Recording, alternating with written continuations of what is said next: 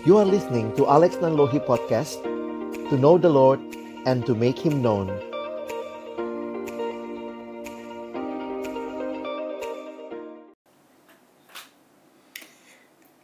Baik Bapak Ibu yang dikasihi Tuhan Selamat malam dan sebelum kita kembali membaca merenungkan firman Tuhan Mari kita bersatu di dalam doa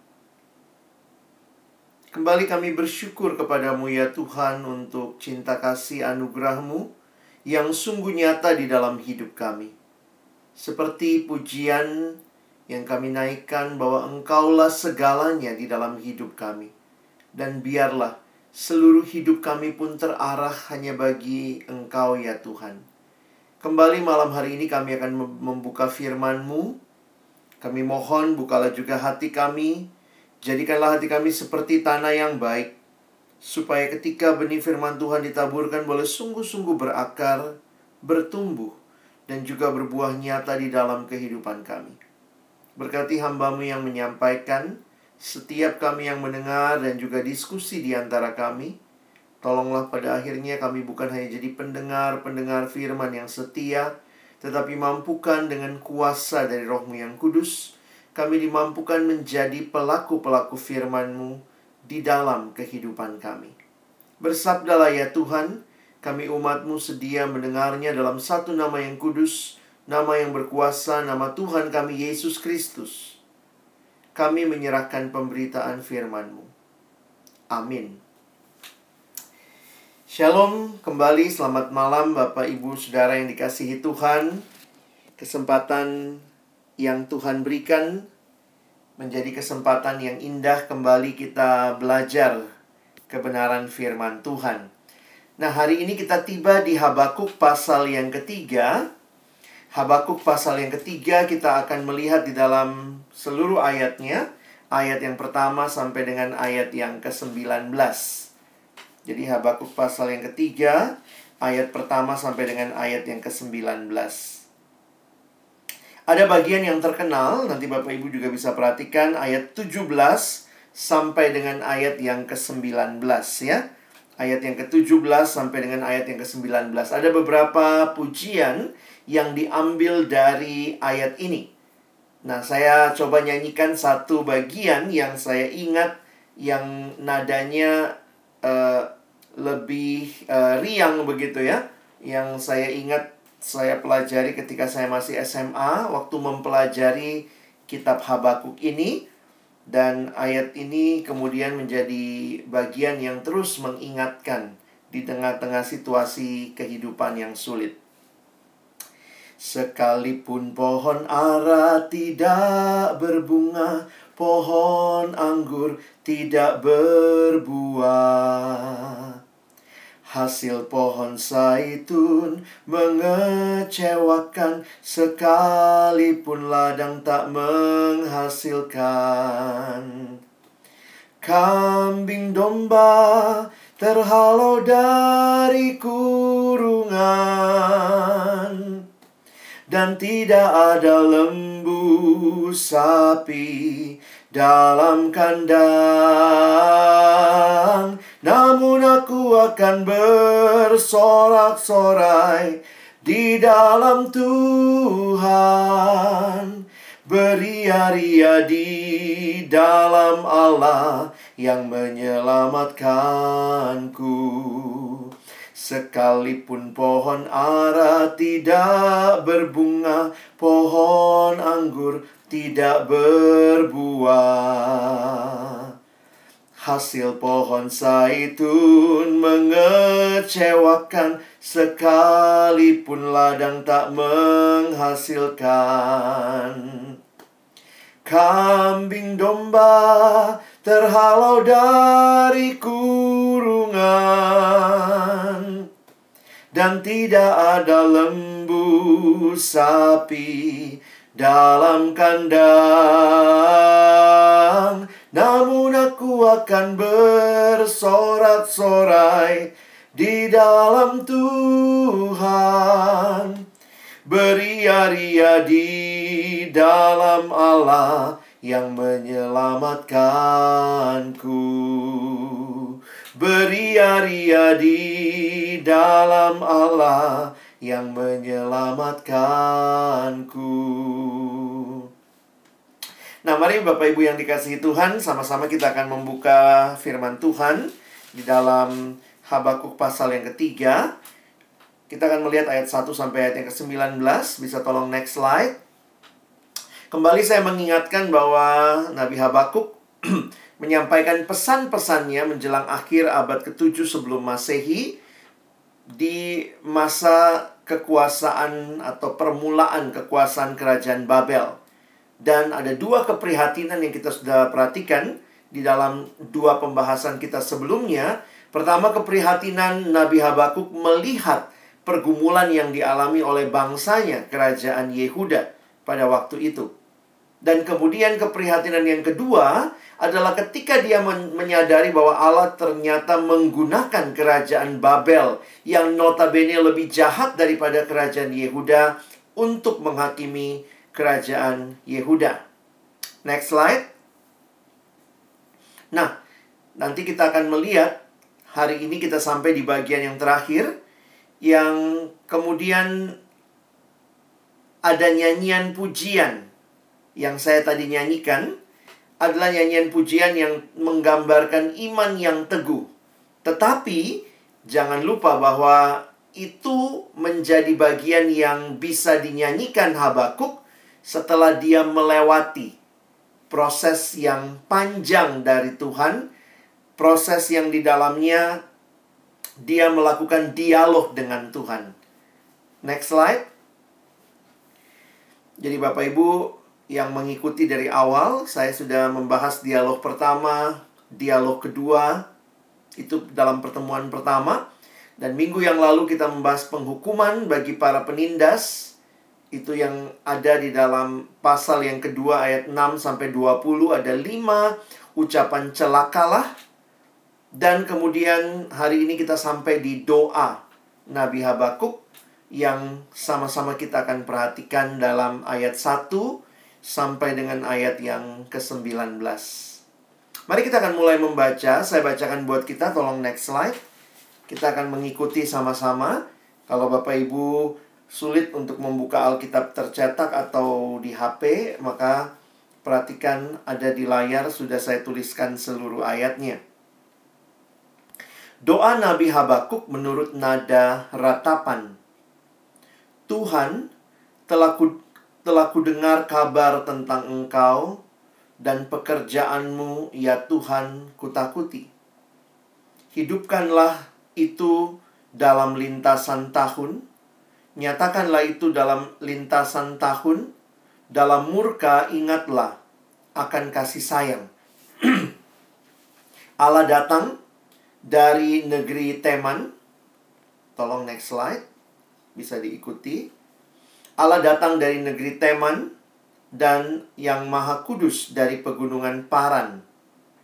Keagungannya menutupi segala langit dan bumi pun penuh dengan pujian kepadanya. Ada kilauan seperti cahaya, sinar cahaya dari sisinya, dan dari situlah terselubung kekuatannya. Mendahuluinya berjalan penyakit sampar dan demam mengikuti jejaknya. Ia berdiri, maka bumi dibuatnya bergoyang. Ia melihat berkeliling, maka bangsa-bangsa dibuatnya melompat terkejut hancur gunung-gunung yang ada sejak purba, merendah bukit-bukit yang berabad-abad. Itulah perjalanannya berabad-abad. Aku melihat kemah-kemah orang Kusyan tertekan, kain-kain tenda tanah Midian menggetar. Terhadap sungai-sungaikah, ya Tuhan, terhadap sungai-sungaikah murkamu bangkit? Atau terhadap lautkah amarahmu? Sehingga engkau mengendarai kuda dan kereta kemenanganmu? Busurmu telah kau buka, telah kau isi dengan anak panah. Engkau membelah bumi menjadi sungai-sungai. Melihat engkau gunung-gunung gemetar, air bah menderu lalu, samudra raya memperdengarkan suaranya dan mengangkat tangannya. matahari, bulan berhenti di tempat kediamannya. Karena cahaya anak-anak panahmu yang melayang laju, karena kilauan tombakmu yang berkilat. Dalam kegeraman engkau melang melangkah melintasi bumi. Dalam murka engkau menggasak bangsa-bangsa. Engkau berjalan maju untuk menyelamatkan umatmu, untuk menyelamatkan orang yang kau urapi. Engkau meremukkan bagian atas rumah orang-orang fasik, dan kau buka dasarnya sampai batu yang penghabisan. Engkau menusuk dengan anak panahnya sendiri, kepala laskarnya yang mengamuk, untuk menyerakkan aku dengan sorak-sorai, seolah-olah mereka menelan orang tertindas secara tersembunyi. Dengan kudamu, engkau menginjak laut, timbunan air yang membuih. Ketika aku mendengarnya, gemetarlah hatiku, mendengar bunyinya, menggigillah bibirku, tulang-tulangku seakan-akan kemasukan sengal, dan aku gemetar di tempat aku berdiri. Namun dengan tenang akan ku nantikan hari kesusahanku yang akan mendatangi bangsa yang bergerombolan menyerang kami. Sekalipun pohon ara tidak berbunga, pohon anggur tidak berbuah, hasil pohon saitun mengecewakan, sekalipun ladang-ladang tidak menghasilkan bahan makanan, kambing domba terhalau dari kurungan, dan tidak ada lembu sapi dalam kandang. Namun, aku akan bersorak-sorak di dalam Tuhan, beria-ria di dalam Allah yang menyelamatkan aku. Allah Tuhanku itu kekuatanku. Ia membuat kakiku seperti kaki rusa. Ia membiarkan aku berjejak di bukit-bukitku. Untuk pemimpin biduan dengan permainan kecapi. Nah, Bapak Ibu Saudara yang dikasihi Tuhan, doa yang disampaikan oleh Habakuk ini adalah bagian yang menarik karena ini di dalam bentuk puisi.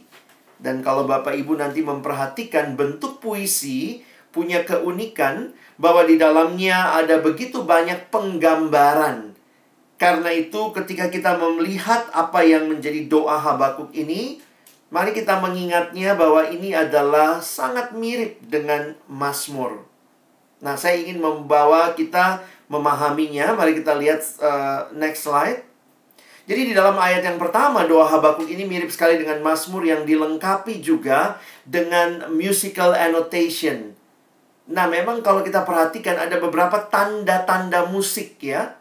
Ayat 1 misalnya, kalau kita di dalam bagian kita langsung diterjemahkan oleh LAI sebagai menurut nada ratapan dalam bahasa aslinya sigionot gitu ya.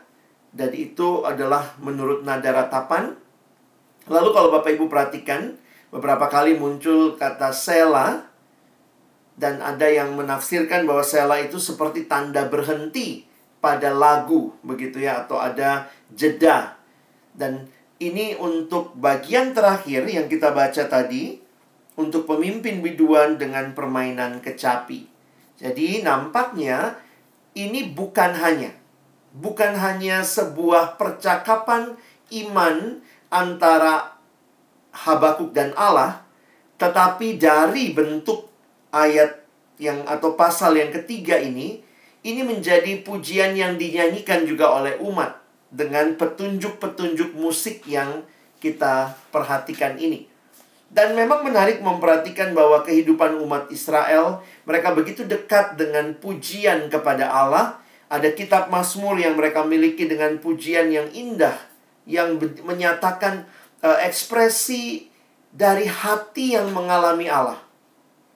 Nanti kalau Bapak Ibu memperhatikan juga, menarik sekali sebenarnya bahwa di dalam kitab Mazmur, sepertiga Mazmur itu adalah Mazmur-Mazmur ratapan Mazmur yang menyatakan pergumulan pemazmur di hadapan Allah dan termasuk melihat kondisi yang ada di dalam dunia. Misalnya Daud berkali-kali menyatakan Tuhan berapa lama lagi musuh-musuhku beria-ria atas aku dan ini adalah sesuatu yang mereka sampaikan kepada Allah. dan itu dituliskan untuk menjadi pelajaran tentunya bagi kita yang juga dalam dunia yang sama mengalami pergumulan yang tidak mudah. Jadi saya harap pemahaman kita akan uh, kitab ratapan, Mazmur ratapan menolong kita menyadari bahwa dalam hidup beriman termasuk bagi kita orang-orang yang sudah percaya pada Tuhan ada saat-saat di mana Tuhan mengizinkan kita meratap. Dan gambaran ini atau mazmur-mazmur ini atau doa-doa pujian seperti ini menyatakan sebenarnya apa yang kita alami di dalam keseharian kita. Nah, kita akan melihat struktur dari Habakuk 3, next slide. Bapak Ibu akan memperhatikan bahwa di dalam ayat yang kedua itu mulai dengan doa Habakuk dan yang menarik adalah dimensi yang ayat 3 sampai 15 ini. Ya. Jadi sebenarnya ayat 3 sampai 15 ini adalah yang disebut dengan penglihatan apokaliptik. Maksudnya apa? Bahwa ini adalah penglihatan yang dilihat atau dialami oleh Nabi Habakuk yang intinya adalah Allah datang menyelamatkan umatnya. Jadi sekali lagi kalau kita ingat bahwa pada waktu itu Babelnya saja belum menaklukkan Yehuda. Tetapi kemudian Tuhan menyatakan bahwa Babel yang menaklukkan Yehuda mereka pun akan dihukum. Sudah kita bahas minggu yang lalu. Dan inilah yang Tuhan berikan sebagai penglihatan kepada Nabi Habakuk bahwa Allah pasti akan menyelamatkan umatnya dan menghukum semua bangsa yang tidak melakukan kehendak Allah. Jadi, ini menolong kita memahami bahwa Allah kita adalah Allah yang pasti bertindak di dalam kebenaran dan keadilannya menurut waktunya bukan waktu kita. Jadi, penglihatan apokaliptiknya seperti apa nanti saya akan coba memberikan gambaran. Kita nggak akan bahas satu persatu tapi nanti bapak ibu bisa melihat apa yang dialami oleh Nabi Habakuk dan yang terakhir beberapa penafsir mengatakan ini respon Habakuk yang penuh iman. Saya tadi coba nyanyikan bagian ini ayat 16 sampai ayat 9 kita akan melihat respon Habakuk yang penuh iman kepada Allah setelah dia melewati. Nah, ini bagi saya menarik karena respon ini muncul di dalam pergumulan yang dilewati oleh Habakuk bersama dengan Tuhan. Pergumulan Habakuk mengeluh kepada Tuhan, meratap kepada Tuhan dan akhirnya dia menyadari apa yang dia nikmati bersama dengan Allah yang hadir dan itu cukup bagi dia. Baik, Bapak Ibu yang dikasih Tuhan, kita akan masuk langsung ke ayat-ayat yang kita akan lihat. Next slide. Nah, saya ingin sekali lagi menegaskan, mari kita lihat di sini penglihatan apokaliptik di mana Allah datang menyelamatkan umatnya. Nah, Bapak Ibu yang dikasihi Tuhan, penglihatan ini menarik sekali karena mengambil bentuk dari apa yang telah dilakukan Allah bagi umat Israel ketika mereka dibawa keluar dari Mesir. Nah, kita mesti ingat, ini zamannya Nabi Habakuk. Tetapi Nabi Habakuk seolah-olah mendapatkan kembali penglihatan akan apa yang sudah Tuhan lakukan bagi Israel ketika Tuhan membawa mereka keluar dari Mesir. Dan penglihatan itu kemudian menjadi kekuatan keyakinan bagi Nabi Habakuk bahwa sebagaimana Allah di dalam keluaran ketika Israel keluar dari Mesir, dalam perjalanan di keluaran itu, maka Allah yang sama akan kembali menolong Israel di tengah-tengah situasi mereka. Makanya kalau Bapak Ibu perhatikan ayat 3 sampai 15, kok banyak kayak refer ke cerita tertentu. Nah, kalau kita mempelajari, misalnya kalau Bapak Ibu mempelajari di dalam di dalam uh, Habakuk pasal 3, sebenarnya kita harus melihat ada banyak ayat-ayat referensi ke peristiwa keluaran ketika Israel dibawa Allah keluar dari Mesir. Kita lihat sama-sama ya, next slide. Jadi sebagaimana saya katakan tadi, yang Habakuk ingat adalah pekerjaan-pekerjaan Allah pada zaman keluaran dan tentunya Habakuk belum lahir, Bapak Ibu ya. Tetapi bagi saya inilah pentingnya generasi ke generasi terus mengajarkan kebenaran firman. Orang tua harusnya benar-benar memberikan teladan iman, menceritakan siapa Allah yang Bapak Ibu alami kepada anak-anak kita sehingga ketika kita melihat mungkin mereka tidak mengalami langsung tetapi mereka bisa ingat kembali cerita-cerita kesaksian iman yang Bapak Ibu lewati dan itu menjadi sesuatu yang meneguhkan mereka melangkah ke masa yang akan datang. Nah, Bapak Ibu nanti perhatikan ada lokasi-lokasi yang disebutkan misalnya Allah dikatakan datang dari Teman dan Paran. Nah, memang uh, banyak penafsir mengatakan apakah ini berkaitan dengan Edom dan seterusnya. Tetapi bagi saya yang menarik adalah lokasi-lokasi yang mengingatkan akan pertolongan Allah bagi Israel. Itu yang kita bisa baca dalam ulangan 33 ayat yang kedua. Ini mau menunjukkan bagaimana Allah adalah Allah yang bertindak. Sebagaimana yang dia lakukan ketika dia datang. Perhatikan ayat yang ketiga, Allah datang dari negeri Teman dan yang maha kudus dari pegunungan Paran. Allah pasti datang. Allah pasti menyatakan kasih keadilannya. Meskipun mungkin umat merasa Tuhan mana keadilanmu? Mana kebenaranmu? Buktinya yang yang jahat tambah jahat bahkan sangat makmur. Sementara orang benar hidup tertindas. Tapi ini yang diingatkan bahwa Allah pasti datang menyelamatkan umatnya. Jadi nanti Bapak Ibu bisa melihat. Lalu perhatikan gambaran kemuliaan Allah. Next slide. Kalau Bapak Ibu perhatikan ada gambaran kemuliaan Allah yang digambarkan sebagai cahaya, simbol kekuatan keagungan. Jadi itu yang muncul di ayat 3b. Keagungannya menutupi segenap langit dan bumi pun penuh pujian kepadanya. Ayat 4. Ada kilauan seperti cahaya. Nah, sekali lagi ingat Bapak Ibu ini puisi ya.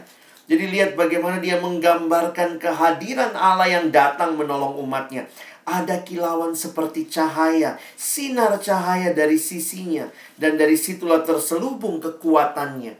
Bukan hanya cahaya, tetapi ada kekuatan yang di dalam keagungan dan um, kemuliaan cahaya itu. Lalu perhatikan ayat yang kelima. Jadi Allah digambarkan seperti ya ini ini seperti raja ya, gambaran raja pada waktu itu Di mana kalau raja berjalan atau mungkin kereta raja berjalan maka ada yang menyertainya. Nah, apa yang menyertainya? Ada dua ajudannya, digambarkan begitu ya. Ayat 5, mendahulunya berjalan, jadi yang di depan penyakit sampar dan demam mengikuti jejaknya. Nah, menarik sekali untuk mempelajari bahwa ternyata kalau kita menggali penyakit sampar dan demam ini adalah juga dewa sembahan orang Kanaan. Jadi tentunya ketika Nabi Habakuk mengatakan demikian, dia mau menyatakan bahwa Yahweh, Allah perjanjian, berkuasa mengendalikan musibah-musibah itu. Jadi bayangkan orang orang-orang Kanaan pada waktu itu yang punya sembahan uh, dewa demam begitu ya atau penyakit sampar ini mau menyatakan bahwa Allah kok yang lebih berkuasa dan dia mengendalikan semuanya. Ingat betul bahwa tidak ada hal di luar kontrol Allah. Selanjutnya, kita lihat ayat yang ke-6. Ia berdiri maka bumi dibuatnya bergoyang, ia berkeliling maka bangsa-bangsa dibuatnya melompat terkejut. Perhatikan, gunung-gunung yang ada sejak purba hancur. Bukit-bukit, ya bukit harusnya tinggi, ini merendah bukit yang berabad-abad. Itulah perjalanannya Allah.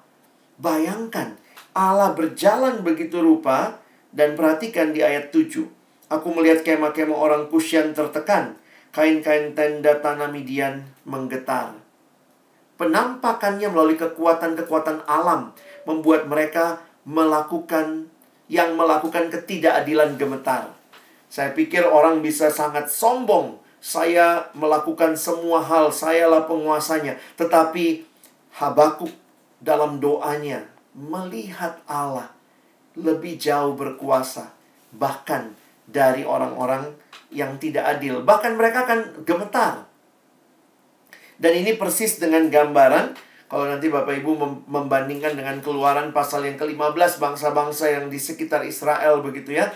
Melihat kemuliaan Allah dan waktu itu secara khusus ya bangsa Mesir yang melihat bagaimana Allah Israel itu yang memimpin dan menuntun mereka.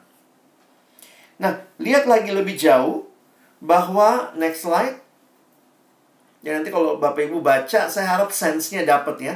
Bahwa Allah juga adalah Allah yang berperang. Itu yang dituliskan di dalam ayat yang ke-8 dengan pertanyaan-pertanyaan retoris. Terhadap sungai-sungai kah ya Tuhan? Terhadap sungai-sungai kah murkamu bangkit? Jadi, ia Allah yang melawan sungai, di bawahnya lagi ia melawan samudra, karena ia lebih berkuasa dari dewa-dewa samudra bangsa Kanaan.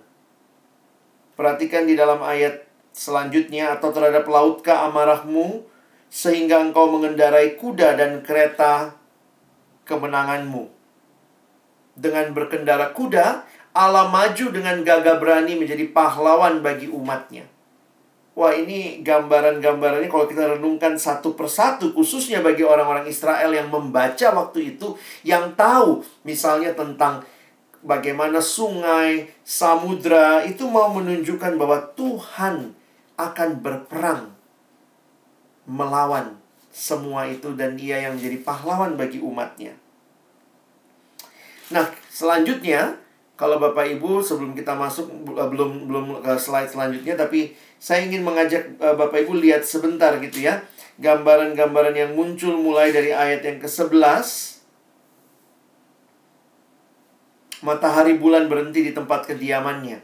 Beberapa penafsir mengkaitkan ini dengan peristiwa di Yosua ketika matahari berhenti di Gibeon. Jadi bagaimana Tuhan hadir bagi umatnya. Lalu kemudian digambarkan karena cahaya anak-anak panahmu yang melayang laju karena kilauan tombakmu yang berkilat. Ini menunjukkan Allah yang melakukan apa yang dia kehendaki dan itu pasti terjadi. Perhatikan ayat 12 dalam kegeraman engkau melangkah melintasi bumi dalam murka engkau menggasak bangsa-bangsa. Di gambarannya Tuhan melakukan itu. Nah, ini semua untuk apa? Perhatikan ayat 13. Engkau berjalan maju untuk menyelamatkan umatmu. Semua itu untuk menyelamatkan umatmu, untuk menyelamatkan orang yang kau urapi, Engkau meremukkan bagian atas rumah orang-orang fasik dan kau buka dasarnya sampai batu yang penghabisan. Diluluh lantakkan semua orang fasik karena Tuhan berpihak kepada umatnya. Perhatikan ayat 14. Engkau menusuk dengan anak panahnya sendiri, kepala laskarnya yang mengamuk, untuk menyerak, menyerakkan aku dengan sorak-sorai, seolah-olah mereka menelan orang tertindas secara tersembunyi dengan kudamu engkau menginjak laut, timbunan air yang membuih. Dan ayat 16. Kita lihat ini yang selanjutnya next slide. Setelah gambaran ini masuklah respon Habakuk yang penuh iman. Bapak Ibu perhatikan ayat 16. Ketika aku mendengarnya. Jadi ketika dia mendengar gemetarlah hatiku Mendengar bunyinya menggigillah bibirku. Tulang-tulangku seakan-akan kemasukan sengal, dan aku gemetar di tempat aku berdiri. Namun, nah ini menarik ya. Ada kata namun. Gambaran yang diberikan Allah tentang kedahsyatannya adalah gambaran yang mendatangkan uh, fear and awe. Saya pikir bukan ketakutan seperti kalau orang melakukan kesalahan, tetapi ketakutan yang membuat orang menyerahkan diri bahwa I serve no other God. Tidak ada yang bisa menyelamatkan saya. Sehingga menarik sekali memang kalau kita perhatikan dalam bahasa Inggris dipakai istilah fear and awe. Jadi gambaran Allah yang dilihat oleh Habakuk adalah gambaran Allah yang mendatangkan ketakutan di satu sisi, tetapi juga kekaguman di sisi yang lain. Karena itu dia mengatakan, namun, jadi tadi ya, ngeri uh, lucu juga tuh ya. Dia bilang mendengar bunyi aja menggigil bibirnya, mendengarnya gemetar hatinya, tulang-tulangnya kemasukan sengal, gemetar di tempat aku berdiri, namun dengan tenang. Wow, saya saya coba merenungkan ini jadi menarik Bapak Ibu ya. Memang ini gambaran puitis, tapi apakah memang benar dalam hidup kita yang mengenal Allah pada satu saat yang sama kita percaya sungguh-sungguh pada Dia yang sanggup bertindak? Yang tentunya pun itu menggetarkan kita bahwa dia pasti bertindak dengan otoritas dan kuasanya. Tapi pada saat yang sama, namun dengan tenang akan kunantikan hari kesusahan yang akan mendatangi bangsa yang bergerombolan menyerang kami. Itu sangat menakutkan. Tetapi itu juga menenangkan bagi Habakuk bahwa bangsa yang menyerang bangsanya satu saat mengalami apa yang Tuhan akan lakukan. Bahwa Tuhan akan menghukum bangsa yang tidak melakukan kehendak Tuhan.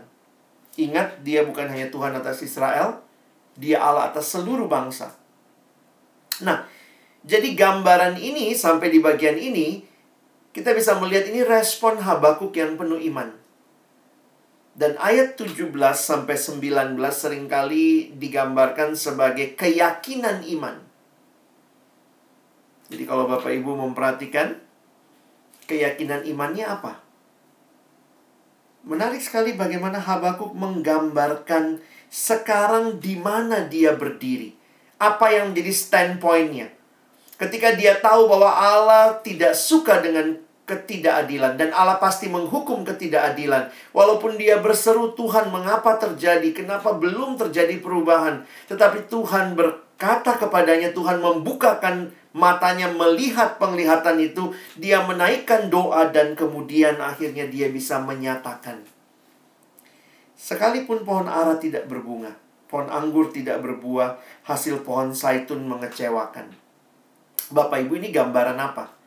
Gagal panen waktu itu dengan belum ada apa ya uh, budidaya seperti kita sekarang dengan pupuk yang bagus dan pengolahan yang baik maka perhatikan untuk masyarakat agraris seperti orang-orang Israel, kegagalan-kegagalan panen itu sangat menyedihkan. Itu pasti mengancam kehidupan. Tapi menarik bagaimana Habakuk bisa berkata meskipun ya ini semua ya pohon-pohon yang ada di tempat mereka, pohon ara tidak berbunga. Jadi jangan jangan jangan harapin buah, bunga aja kagak. Pohon anggur tidak berbuah. Pohonnya ada, buahnya nggak ada. Hasil pohon saitun mengecewakan. Jadi lihat masyarakat agraris ini semua tidak ada atau tidak berhasil. Digambarkan lagi tentang ternak. Ya, uh, sorry, sekalipun ladang-ladang tidak menghasilkan bahan makanan. Jadi ini masalah bahan makanan. Lalu ternaknya digambarkan kambing domba terhalau dari kurungan dan tidak ada lembu sapi dalam kandang. Lalu ada apa? Dari sisi agraris nggak ada, dari sisi uh, ternak peternakan tidak ada. Ini mau menggambarkan situasi yang yang tidak mudah. Semuanya tidak terjadi sesuai harapan. Tapi ada lagi kata namun. Nah, ini Bapak Ibu coba nanti renungkan namun-namunnya ya Tadi ingat di ayat 16, namun dengan tenang. Melihat Allah gemetar, namun aku mau tenang. Sekarang melihat situasi di sekitarnya. Ini situasi yang tidak mudah. Namun aku akan bersorak-sorai di dalam Tuhan. Beria-ria di dalam Allah yang menyelamatkan aku. Keyakinannya ada di ayat 19. Allah Tuhanku, itu kekuatanku. Ia membuat kakiku seperti kaki rusa. Ia membiarkan aku berjejak di bukit-bukitku. Bapak Ibu kalau pernah melihat rusa itu ya di bukit batu malah dia sangat lincah. Lompat sana lompat sini dan dia sangat firm. Dia tahu waktu dia loncat bahwa batunya itu uh, menopang dia. Dan dengan luar biasa gambaran itu dipilih oleh Habakuk bahwa Allah kekuatanku itu dia membuat kakiku seperti kaki rusa, sangat lincah dan ia membiarkan aku berjejak di bukit-bukitku. Bapak Ibu sekali lagi melihat Allah pasti bertindak itu menakutkan karena memang semua ketidakadilan akan Tuhan hancurkan. Namun melihat Allah, namun aku bisa tetap tenang karena hari kesusahan itu pasti berakhir.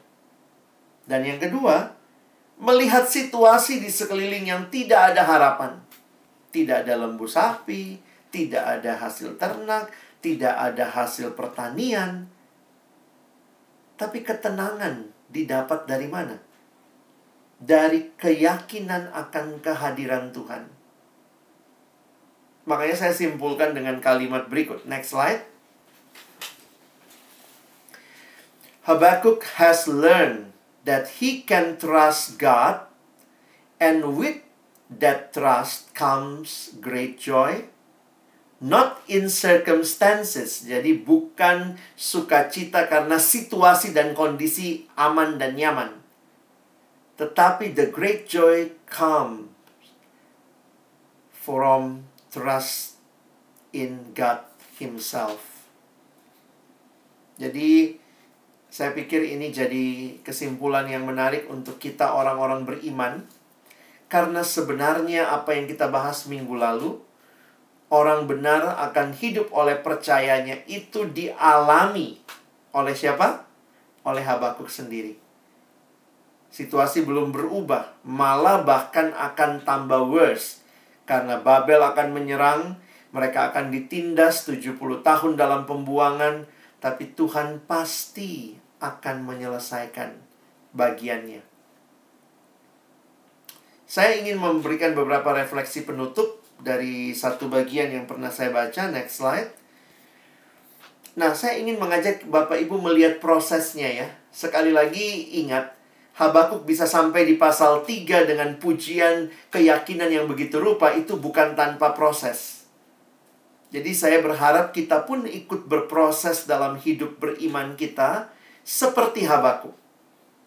Bapak Ibu yang mungkin sekarang masih dalam tahap sedang bergumul maka lewatilah itu dengan Tuhan. Nikmatilah pergumulan itu. Ini beberapa catatan saya, next slide. Dalam pergulatannya dengan realita hidup yang dihadapi, Nabi Habakuk mengalami konflik yang dahsyat dalam batinnya. Konflik antara kehendak diri, dia maunya, ya mungkin kalau sama kayak kita ya, kalau kita sih maunya sekarang uh, ya udah besok selesai corona kita udah bisa kerja udah bisa ngapain udah bisa gereja lagi udah bisa melakukan konflik antara yang kita kehendaki dengan yang mana sih yang menjadi kehendak Tuhan. Nah dalam situasi seperti ini apa yang harusnya kita lakukan? Sekali lagi kitab Habakuk tidak langsung memberikan kepada kita ayat pasal 3 17 sampai 19 Sekalipun pohon ara tidak berbunga, aku akan bersorak-sorai. Tetapi memberikan kepada kita kejujuran perjalanan iman sang nabi. Dan di sinilah pentingnya membawa segala sesuatu kepada Allah. Bapak Ibu dalam pergumulan kita silakan bergumul itu manusiawi. Tapi ingat ke, kepada siapa kita bawa pergumulan kita. Banyak orang senang untuk menyampaikan pergumulannya, tapi nyampeinnya di mana? Di medsos, kadang-kadang mungkin ngomongnya curhat sama teman, tapi ternyata yang kita curhatkan bukanlah satu perjalanan iman, tapi satu kekecewaan yang tidak kita bawa kepada Tuhan.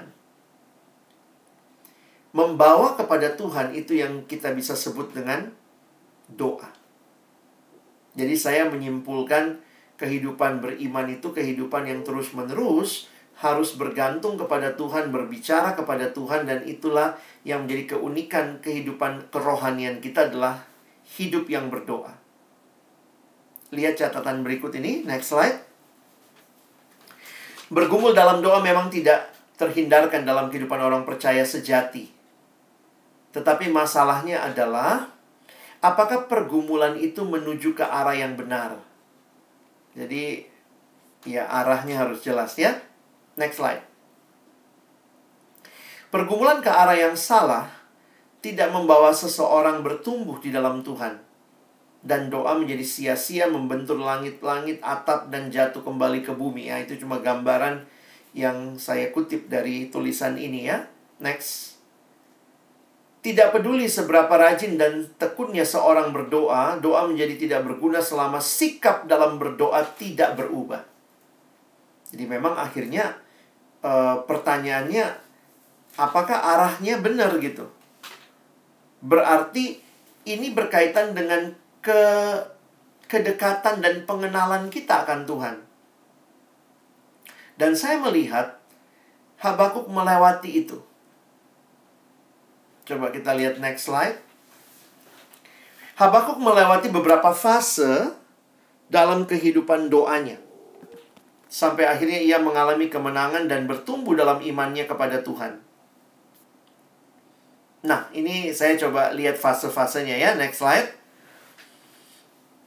Fase-fase pergumulan Habakuk ini memberikan arah yang jelas bagi orang Kristen segala zaman untuk bertumbuh. Jadi kalau kita mau belajar dari kitab Habakuk, dari Nabi Habakuk, maka fase-fasenya ini bisa menuntun kita melihat nih ya, ada arah yang jelas. Nah, kita lihat fase yang pertama. Next slide. Kita udah belajari dalam Habakuk bagian yang pertama. Fase kita meminta. Ya, biasanya kita semua mengalami ini ya. Meminta, berteriak kepada Tuhan, Tuhan, kenapa begini, kenapa begitu? Berapa lama lagi Tuhan kok engkau tidak dengar begitu ya? Minta adalah fase yang pertama. Tapi Nabi Habakuk share lagi. Next. Sebenarnya di dalam pasal yang pertama ayat 12 sampai pasal 2 ayat 20 dia kemudian mendengar. Menarik gambaran yang dia berikan ini seperti seorang penjaga di atas sebuah tembok kota. Biasanya ada menara jaga gitu ya. Maka dia berkata di dalam Habakuk 2, kita sudah pelajari itu, Aku mau berdiri di tempat pengintaianku dan berdiri tegak di menara dan aku mau meninjau dan menantikan apa yang difirmankannya kepadaku dan apa yang akan dijawabnya atas pengaduanku. Bapak Ibu jangan cuma minta, tapi apakah kita belajar mendengar? Ketika kita membaca firman, itu menjadi kesempatan kita kembali mendengarkan Tuhan apa yang engkau mau nyatakan. Makanya kalau kita lihat doa dan firman harusnya tidak terpisahkan. Bahkan dari sekolah minggu anak-anak kita udah diajarin gimana bertumbuh adik-adik, baca kitab suci, doa tiap hari. Jadi itu satu kehidupan yang apa ya? Tidak terpisahkan. Belajar meminta kepada Allah, tetapi juga belajar mendengar. Dan akhirnya, next slide. Nah, inilah yang kita lihat ada iman. Jadi secara sederhana kalaupun kita nggak usah pakai fase-fasenya ya, ini cuma untuk menolong kita melihat uh, apa yang terjadi melalui kitab Habakuk ini kita melihat bahwa pada akhirnya orang yang bergaul dengan Tuhan, orang yang benar-benar beriman adalah mereka yang punya pengenalan akan Tuhan, yang bergumul di hadapan Tuhan, yang membawa masalahnya kepada Tuhan, maka pada akhirnya Tuhan sendiri akan meneguhkan dia. Makanya saya ingatkan tadi, apa yang kita pelajari bahwa Kitab Habakuk mengatakan orang benar akan hidup oleh percayanya. Siapa yang mengalami itu? Nabi Habakuk terlebih dahulu sebagai yang menuliskan di sini. Dia mengalami dengan indahnya siapa Allah bagi dia dan itu menjadi kekuatan dia menjalani hari-harinya. Sekalipun gitu ya. Bapak Ibu bisa lihat ya. Awalnya apa yang dia minta? Kenapa begini? Kenapa begini? Lakukan sesuatu Tuhan supaya semuanya selesai, semuanya hilang, semuanya tidak ada lagi. Tapi Tuhan mau membawa Habakuk bukan itu hidup beriman. Tidak selamanya yang kita mau selesai, tidak ada lagi pergumulan, bukan bukan itu yang namanya hidup beriman. Hidup beriman lebih daripada sekedar pandemi ini selesai. Kita maunya kalau bisa pandeminya selesai, semua keluarga kita sehat, ya kita maunya seperti itu. Tapi tidak se tidak selamanya itu yang Tuhan jawab bagi kita. Langsung di dalam waktu dan keinginan kita. Kita maunya sekarang juga gitu ya. Kan itu saya tuliskan dalam slide berikut ini. Next slide. Apakah Bapak Ibu lihat ada perubahan nada dan suasana dalam doa Nabi Habakuk? Masih ingat dialognya sama Tuhan? Dialognya di dalam pasal 1 dan sebagian awal pasal 2 itu dialog marah sama Tuhan, mengeluh, meratap. Tuhan, ayo bertindak. Tapi dalam bagian terakhir, kok ada doa yang begitu yakin akan Tuhan yang berkarya? Ada iman yang begitu yakin Tuhan sanggup melakukan? Apa yang berubah di sini? Apakah bangsa Israel dilepaskan dari tangan orang Kasdim? Enggak. Sesudah itu mereka ditaklukkan. Apakah Allah yang berubah? Oh, tentu tidak. Apakah seluruh pertanyaan Nabi Habakuk terjawab? Pertanyaan dasarnya dia, Tuhan sampai berapa lama nih? Ternyata masih lama ya, karena Babel menyerang, habis itu Babel bawa lagi mereka 70 tahun. Apa yang berubah di dalam bagian ini? Next slide. Segala yang ada di luar diri Nabi Habakuk tidak berubah. Yang berubah adalah yang ada di dalam diri sang nabi. Tuhan tidak selamanya menghentikan badai di luar hidup kita. Jangan-jangan yang Tuhan tenangkan adalah badai dalam hati kita meskipun di sekitar kita badai itu masih ada. Yang berubah adalah yang di dalam diri sang nabi. Next. Fokus pendoa pada fase ini. Kalau pada fase ini pendoa tidak berhenti meminta dan mendengar. Meminta dan mendengar adalah unsur yang penting dalam sebuah doa. Hanya saja meminta dan mendengar bukan lagi jadi fokus doa. Di dalam pergumulan melewati fase ini, next slide Fokus pendoa adalah pada Allah sendiri. Ia akan menganggap pengenalannya akan Allah secara pribadi jauh lebih penting daripada pemberian atau jawaban doa. Wah, saya merhatiin ya. Siapa sih yang mau ladang tak menghasilkan, tidak ada bahan makanan, lembu sapi hilang dari kandang? Tentu itu bukan situasi yang diharapkan juga dan pasti juga buat buat Habakuk bukan itu lagi, bukan itu yang dia mau. Tetapi sebenarnya kalau Bapak Ibu membaca dengan teliti ayat itu, Habakuk mau mengatakan apa? Kehadiran Allah jauh lebih penting daripada berkat-berkat Allah. Saya ulangi. Kehadiran Allah jauh lebih penting dari berkat-berkat Allah.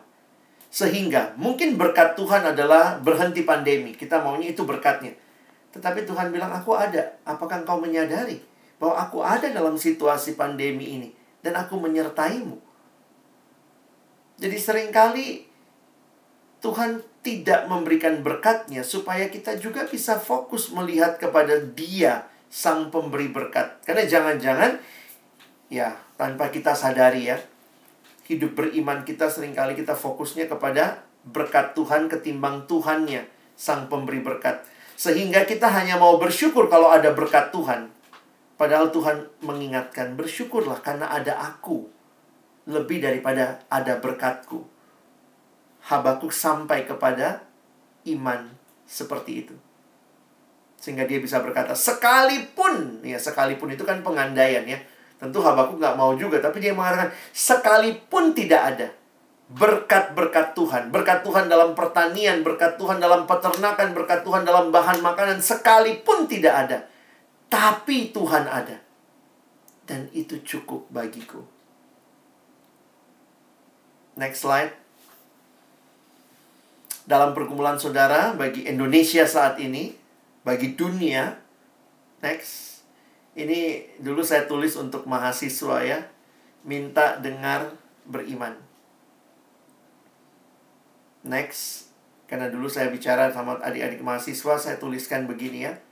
Dengan setia melakukan bagian kita sebagai mahasiswa dan mungkin yang sudah selesai jadi alumni yang bekerja di bangsa ini secara luas. Apakah Bapak Ibu Saudara mengimani bahwa kehadiran Allah itulah sebenarnya berkat terbesar bagi kita ketimbang berkat-berkat yang sifatnya pemberian Allah. Tentu kita sangat ingin pemberian Allah. Tapi jangan lupa pemberian Allah tidak pernah berhenti pada pemberian itu sendiri. Pemberian Allah harusnya mengajak kita fokus kepada Allahnya, bukan kepada pemberiannya semata-mata. Saya jadi ingat ada satu ilustrasi tentang hal ini bagaimana kita itu begitu gampangnya fokus kepada pemberian Allah, kita lupa kepada Allah sang pemberi berkat. Ini tentang uh, ada cerita seorang ayah mengajak keluarganya, ya waktu itu mungkin mereka baru dengar, wah buka taman safari ya, saya pakai uh, ilustrasi ini aja. Jadi taman safari uh, di Cisarua buka lalu kemudian ayah ini ingin mengajak anak-anaknya, keluarganya, istri dan anaknya untuk pergi ke taman safari. Lalu mereka naik mobil, masuk tol. Nah, begitu keluar tol di Ciawi, terus ternyata di mereka lihat di situ ada papan besar billboardnya Taman Safari. Lalu di situ ada gambar uh, hewannya, ada gajah, ada singanya, ada beruangnya, ada untanya, lalu kemudian ada gambar uh, pegunungan yang hijau. Wah, indah sekali gambar billboard itu dan kemudian akhirnya ayah itu mengatakan ke anak-anaknya, "Ayo kita turun di sini." Lalu mereka kemudian di bawah billboard itu nongkrong di situ dan piknik di situ dengan mengatakan, "Wow, kita sudah di taman safari." Ternyata mereka nggak ngeliat ada tulisan di bawah billboard itu ada tanda panah menunjuk taman safari 6 kilo lagi. 6 kilometer lagi. Nah, ini ini cerita yang ini aja ya. Uh, fiktif lah ya Bapak Ibu, tapi waktu saya mendengar kisah seperti ini, gambaran seperti ini, saya jadi ingat kehidupan banyak manusia termasuk sering kali saya juga harus mengakui Tuhan banyak kali saya itu piknik di bawah billboardnya. Saya nggak nyampe kepada taman safarinya. Banyak orang pikniknya di berkat Tuhan. Padahal harusnya kita ke Tuhannya gitu ya. Belum nyampe, saudara. Ingat, sebenarnya berkat Tuhan adalah cara Tuhan menunjukkan kita kepada dirinya, sang pemberi berkat. Karena itu jangan piknik sama berkat Tuhan. Bapak Ibu mungkin dengan kondisi kehidupan pernah ngalamin berkat Tuhan. Hati-hati kita piknik di berkat Tuhan. Ya, kita pikir kita udah nyampe. Begitu itu semua diambil, kita marah. Itulah yang dialami sebenarnya Habakuk juga. Tapi ketika dia sampai kepada Allahnya, maka ketika semua berkat tidak ada pun dia berkata, aku tetap percaya karena engkau jauh-jauh lebih indah. Tuhanlah kekuatanku. Dan ini yang saya pikir harusnya jadi kehidupan rohani kita. Kehidupan yang bisa melihat sang pemberi berkat jauh lebih indah dari berkat itu sendiri. Kalau Tuhan kasih berkat, puji Tuhan itu menolong kita terus ingat dia sang pemberi berkat. Jadi ingat ya naik jabatan, wah berkat Tuhan. Dari mana nih? Dari Tuhan. Anak-anak lulus naik kelas berkat Tuhan. Dari mana semua ini? Oh, saya harus ingat Tuhanlah pemberi berkat.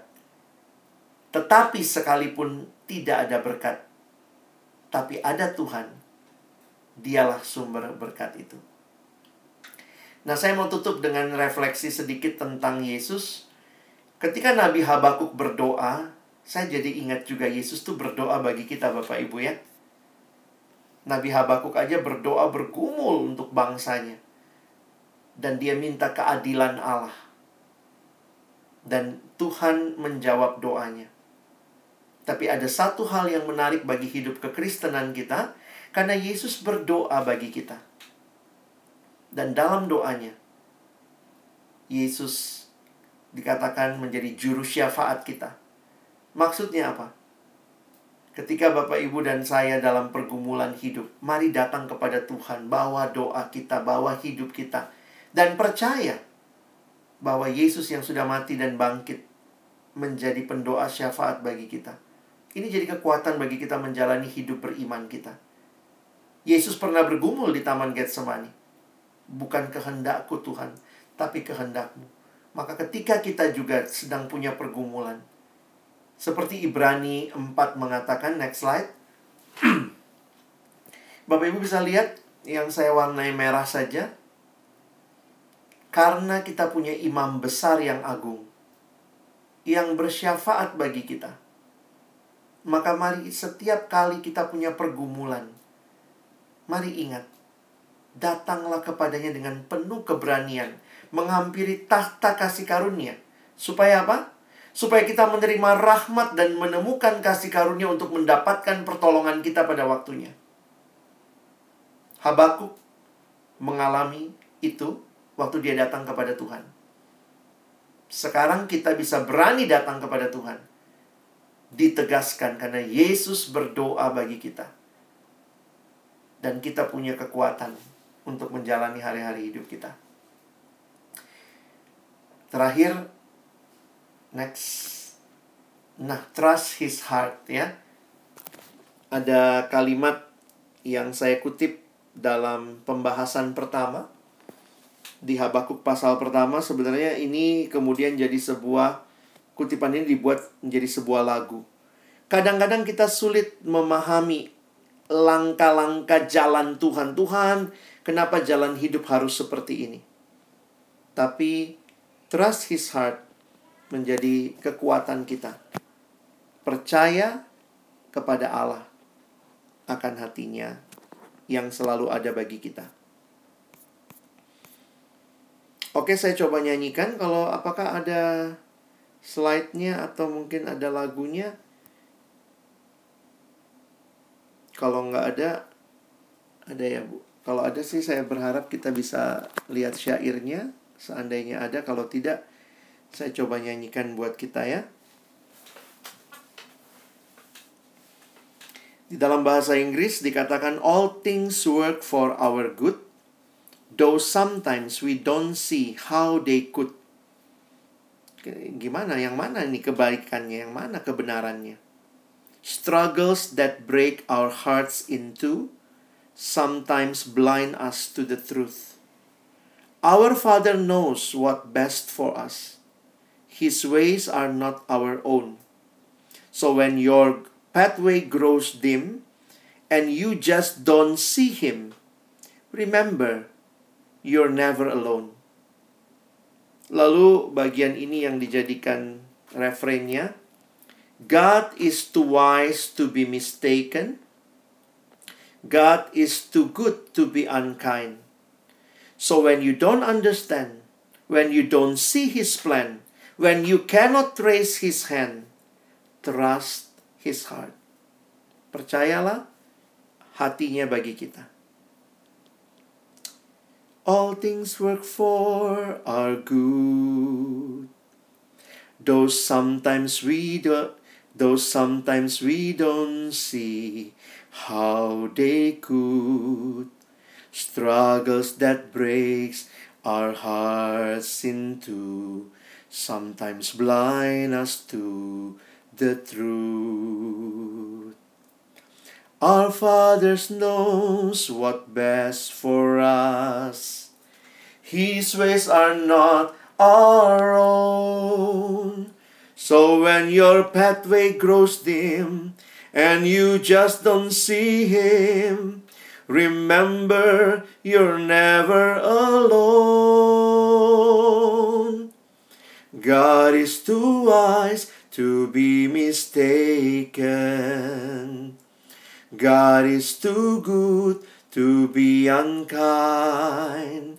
So when you don't understand, when you don't see His plan, when you can't trace His hand, trust His heart. His is the Master's plan, and He holds our future in His hand. So don't live as those who have no hope. All our hope is found in Him. We see the present clearly, but His is the first and the last. And like a tapestry, He's weaving you and me to someday be just like Him. God is too wise to be mistaken. God is too good to be unkind. So when you don't understand, when you don't see His plan, when you can't trace His hand, trust His heart. When you don't understand, when you don't see His plan, when you can't trace His hand, trust His heart. Amin. Silakan jika ada hal-hal yang mungkin ingin didiskusikan, silakan saya persilakan. Terima kasih Pak Pendeta, saya sangat diberkati sekali malam hari ini. Uh, sebetulnya banyak pertanyaan yang ingin saya tanyakan, cuma karena saya moderator, saya kasih kesempatan orang yang saya, saya tidak ada hari malam hari ini. Saya persilahkan teman-teman untuk sharing atau uh, mau bertanya. Uh, mungkin saya kasih kesempatan kamu jauh dulu kali ya dari teman-teman yang dari Jakarta, barangkali Pak Wiono, barangkali mau ada sharing atau pertanyaan, silakan Pak Wiono.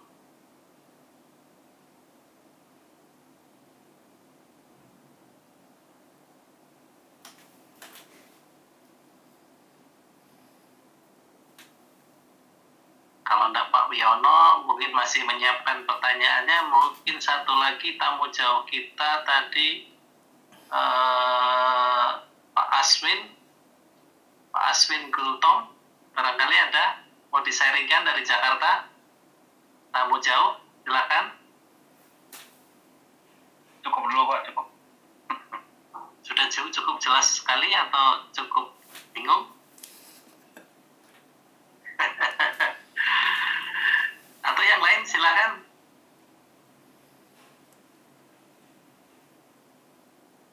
Mungkin anak muda barangkali Francisco ini uh, sudah ada gambarnya di layar barangkali Bang Francisco.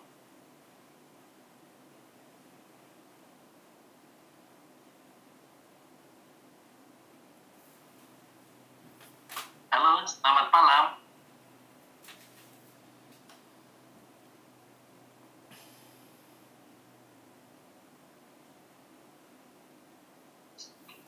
Dulu Pak, dari Cisco Pak. Nanti kalau ada pertanyaan di chatting. Oke. Barangkali Ibu Ivon dari Ibu-Ibu, Mbak Ivon monitor, barangkali mau sharing. Pak Kris hari ini nggak bosan ya ya. Malam Pak Pendeta. Selamat malam Ibu Ivon. Bagaimana kabar? Puji Tuhan Pak, saya biasa mendampingi Pak Kris. Oh ya. Pak Pendeta, Iya, minta, dengar, dan beriman ya Pak. iya. Ketika tadi kita dibilang kita itu tentu berproses. Seperti yang saya alami kan juga tentu berproses gitu Iya. ya. proses itu dimulai dari pada saat kita meminta atau itu sebenarnya baru dimulai pada saat kita ba- em, ba- pada saat kita belajar dengar-dengaran atau Hmm. bahkan mungkin itu baru dimulai prosesnya pada saat kita memegang teguh iman kita gitu Hmm. Eh, kita eh, kita tegas gitu bahwa saya imani eh, melakukan ini gitu kan Hmm. jadi tidak tidak ikut arus begitu Ya. Proses itu dimulai dari meminta kan kadang eh, kalau kita berdoa kita mengucap syukur dan kita meminta proses mendengarnya itu eh, di mana gitu ya Hmm. maksudnya ha- ha- apa ya hapunten pak pendeta Hmm. eh, proses mendengar kita di dalam kita berdoa itu kan hampir-hampir eh, em, ya bisa dibilang eh, proses yang mungkin kita selama ini tidak perhatikan itu gitu kan. Tapi sebenarnya eh, tadi Pak Pendeta sampaikan minta dengar gitu. Selama ini kita cuma minta dan tunggu gitu kan. Minta dan dan beriman tapi beriman yang tidak eh, bisa jadi beriman yang tidak tahu arah gitu. Jadi Iya. bukan bukan bukan beriman dalam arti yang tadi yang seperti disampaikan Pak Pendeta bahwa kita tuh fokus sama Tuhan bukan fokus sama berkat gitu karena apakah karena selama ini kita tidak menggunakan eh, apa namanya eh, tidak melakukan proses mendengar itu atau seperti apa ya Pak? Hmm. Ya. Makasih Ibu Ivon. Saya melihatnya memang begini. em, yang yang menarik begini ya. eh, apakah ini juga satu tahapan harus selamanya seperti itu prosesnya? Karena eh, tadi yang saya sampaikan sebenarnya melalui kitab Habakuk ini proses yang Habakuk alami. Kira-kira begitu. Di bagian yang lain, kalau nanti mungkin Bapak Ibu belajar Mazmur ratapan, kita bisa melihat juga ada proses yang yang lain misalnya ya. Kayak eh, pemazmur mulai dengan aku yakin Tuhanku berkuasa, tapi kemudian dia cerita pergumulannya, lalu kemudian sesudah itu dia dibaharui di dalam imannya kepada Tuhan. Jadi sebenarnya saya harus bilang juga bahwa ini belum tentu untuk setiap orang sama prosesnya. Kita bisa mulai dari mana saja. Mungkin buat orang-orang yang dari kecil Kristen, maka pergumulannya lebih kepada benar nggak sih Tuhan yang saya percaya. Tapi bagi saudara-saudara yang mungkin belum kenal Tuhan dari kecil, maka dia bisa jadi mulai dengan skeptis. Benar nggak sih ada Tuhan? Tapi proses ini yang saya melihat eh, mungkin kalau kita sedang ada dalam proses mulai dari minta, dengar, beriman, nah itu jadi sesuatu yang coba kita buat aja dalam segitiga yang bisa mulai dari mana saja dan kita melihat jangan-jangan kita lagi fokus hanya salah satunya. Bisa jadi saya sok beriman aja tapi sebenarnya nggak pernah benar-benar. Banyak orang yang yang begini ya mungkin karena kita di beberapa gereja juga secara nggak sadar ngajarinnya pokoknya jangan ragukan Tuhan minta aja dalam nama Yesus pasti percaya. Tapi kita jadi nggak jujur sama Tuhan aku trouble nih my heart is trouble. Jadi belajar untuk saya melihat kitab ratapan ada di Alkitab untuk menolong kita mengekspresikan perasaan kita yang sebenarnya di hadapan Tuhan dan Tuhan apa ya Tuhan eh, Tuhan peduli dengan perasaan kita. Di Mazmur dikatakan aku menampung air matamu dalam kirbatku gitu. Saya pikir ternyata orang yang datang sama Tuhan nangis juga gitu ya. Jadi jangan sampai kita melihat beriman itu pokoknya nggak boleh nangis nggak boleh apa tapi kita jadi nggak jujur sama hidup kita. Nah kita ada di mana dalam segitiga mendengar minta dan beriman ini? Saya pikir itu yang harusnya terus berproses. Thank you. Baik Pak Pendeta, ini eh, bisa dibilang cycles ya Pak Pendeta. ya bisa seperti itu sih bu kalau mau kita bilang ya. Jadi kiranya kita mengalami ya s- walaupun nanti akhirnya selalu apakah kita makin percaya kepada Tuhan dan dan Tuhan menolong kita melewati proses itu. Pastor, mungkin kita balik badan gitu ya Pak Saking takutnya gitu. Iya. Oke, iya iya. Semoga kita nggak nggak begitu. Pak Kris, I'm done. Terima kasih Bu Ivon. Jadi ikan ya. malam hari ini ada sedikit sedikit segitiga apa uh, bertanya, meminta eh, dengar terus beriman. Kalau Bu Ivon sukanya segitiga api soalnya Pak Pendeta. Jadi ada pelajaran baru malam hari ini sama-sama segitiganya. Yes. Oke. Ya, Kasih beliau itu komandan uh, uh, anu HSE Pak. Oh. Jadi, jadi segitiga api itu ada pak uh, sumber api, ada gasnya, ada udara gitu, kira-kira gitu Pak. Eh, Nah, harus waspada ya. Kesempatan yang lain, ini waktu waktunya uh, terbatas ini. Siapa yang mau memanfaatkan kesempatan yang paling bagus ini? Chris boleh? silakan silakan Pak Pak Tony ya Siman Juntak ya Iya Pak. ayo mangga mangga lae Selamat malam ayo Pak ayo Pendeta. ayo Malam, Pak. Jadi mohon maaf Pak, kalau kita dulu tidak pernah seperti segitiga tadi itu, karena, karena kita dari anak-anak diajarkan memang itu yang selalu diajarkan kalau saya sendiri Pak dan selalu mengimani itu sampai saat ini Iya. mintalah dan percayalah bahwa kamu telah menerimanya. Iya. Ah itu kalau yang tadi Bapak sampaikan ada tiga kan, minta, dengar, dan beriman. Iya. Kira-kira di mana perbedaannya nih Pak? Mintalah dan percayalah bahwa kamu telah menerimanya. Mohon penjelasannya Pak. Oke, Pak. Makasih. Setiap ayat tentu ada konteks sih, Pak ya. Jadi konteks itu yang perlu juga kita pahami. Nah, saya coba melihat sekali lagi malam hari ini saya lagi bahas kitab Habakuk. Dan Habakuk adalah seorang nabi, nabi yang mengalami pergumulan keraguan akan Tuhan. Jadi saya melihat setelah mempelajari banyak hal di dalam Alkitab, itu tidak saling kontradiksi, tetapi itu sebuah proses. Itu mungkin penekanan saya malam hari ini.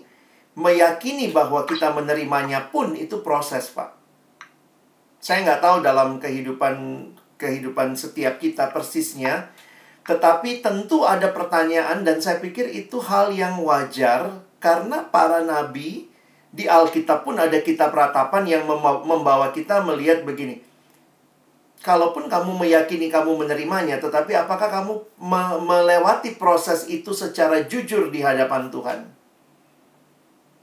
Misalnya, dalam beberapa situasi tertentu dalam kehidupan, mungkin kita bertanya, Tuhan, kenapa saya kena kanker? Kenapa pasangan saya eh, menderita? Kenapa orang tua saya mengalami sakit penyakit?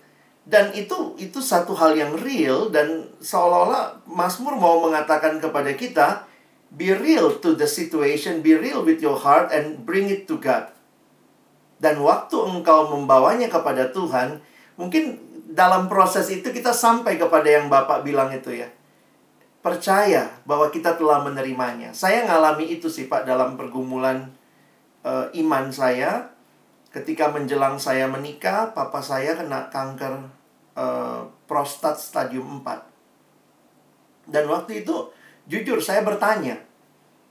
Jadi bukan berarti saya berdoa lalu menerimanya percaya, tapi itu sampai ke proses itu Tuhan izinkan saya lewati, saya saya bergumul, saya menangis, saya tanya sama Tuhan. Dan di situlah saya menyadari sebenarnya Tuhan jawabnya waktu itu bukan jadi benar tuh kalau Bapak bilangnya kamu telah menerimanya saya menerima jawaban Tuhannya dalam pergumulan saya itu bukan bukan masalah sembuhnya saya ingat sekali ketika saya berdoa satu malam lalu kemudian yang saya sangat yakini adalah kayak Tuhan cuma ngomong secara sederhana begini ya melalui em, apa yang pernah saya baca saya renungkan Tuhan mengatakan begini bukan masalah papamu sembuh apa tidak tetapi papamu itu milikku. Kalau saya mau dia ada waktu kamu menikah, dia ada. Kalau saya bilang dia pulang, pulang. Jadi akhirnya ketika sesudah saya menikmati kekuatan itu, nah saya saya meyakini yang Bapak bilang tadi itu bahwa saya menerimanya tapi menerimanya bukan berarti dalam nama Yesus papa saya sembuh lalu saya tidak khawatir. Tapi saya jadi meyakini bahwa iya ya, hidup itu ada dalam tangan Tuhan dan saya menerima itu. Jadi Tuhan jawab, papa saya masih hidup sampai sekarang. Sekarang ya ada penyakit lain lagi ya, lagi demensia dan susah. Tapi waktu itu ketika saya menikah, ayah saya ada dan sampai hari ini setiap kali saya ingat itu yang Tuhan ingatkan bahwa dia milikku, aku yang pegang hidupnya. Jadi saya hanya ingin memberikan uh, realita bahwa dalam hidup beriman ada proses untuk kita sampai kepada keyakinan iman itu yang memang walaupun kita sudah diajarkan tapi dalam menghadapi pergumulan hidup mari jujur ketika ada pertanyaan. Jadi kira-kira seperti itu Pak Tony. Makasih. Makasih Pak Pendeta. Sama-sama Pak. Pencerahannya. Cukup Pak Tony? Ada hal yang lain? Barangkali perlu tambahan pertanyaan? Boleh Pak Tony? Cukup Pak. Makasih Pak. Terima kasih.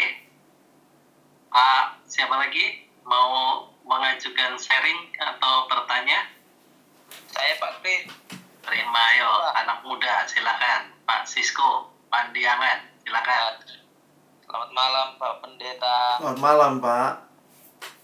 Pak, tadi kan saya dengar uh, bagaimana Habakuk ditunjukkan uh, Israel diberkati sampai bisa menyentuh tanah Kanaan.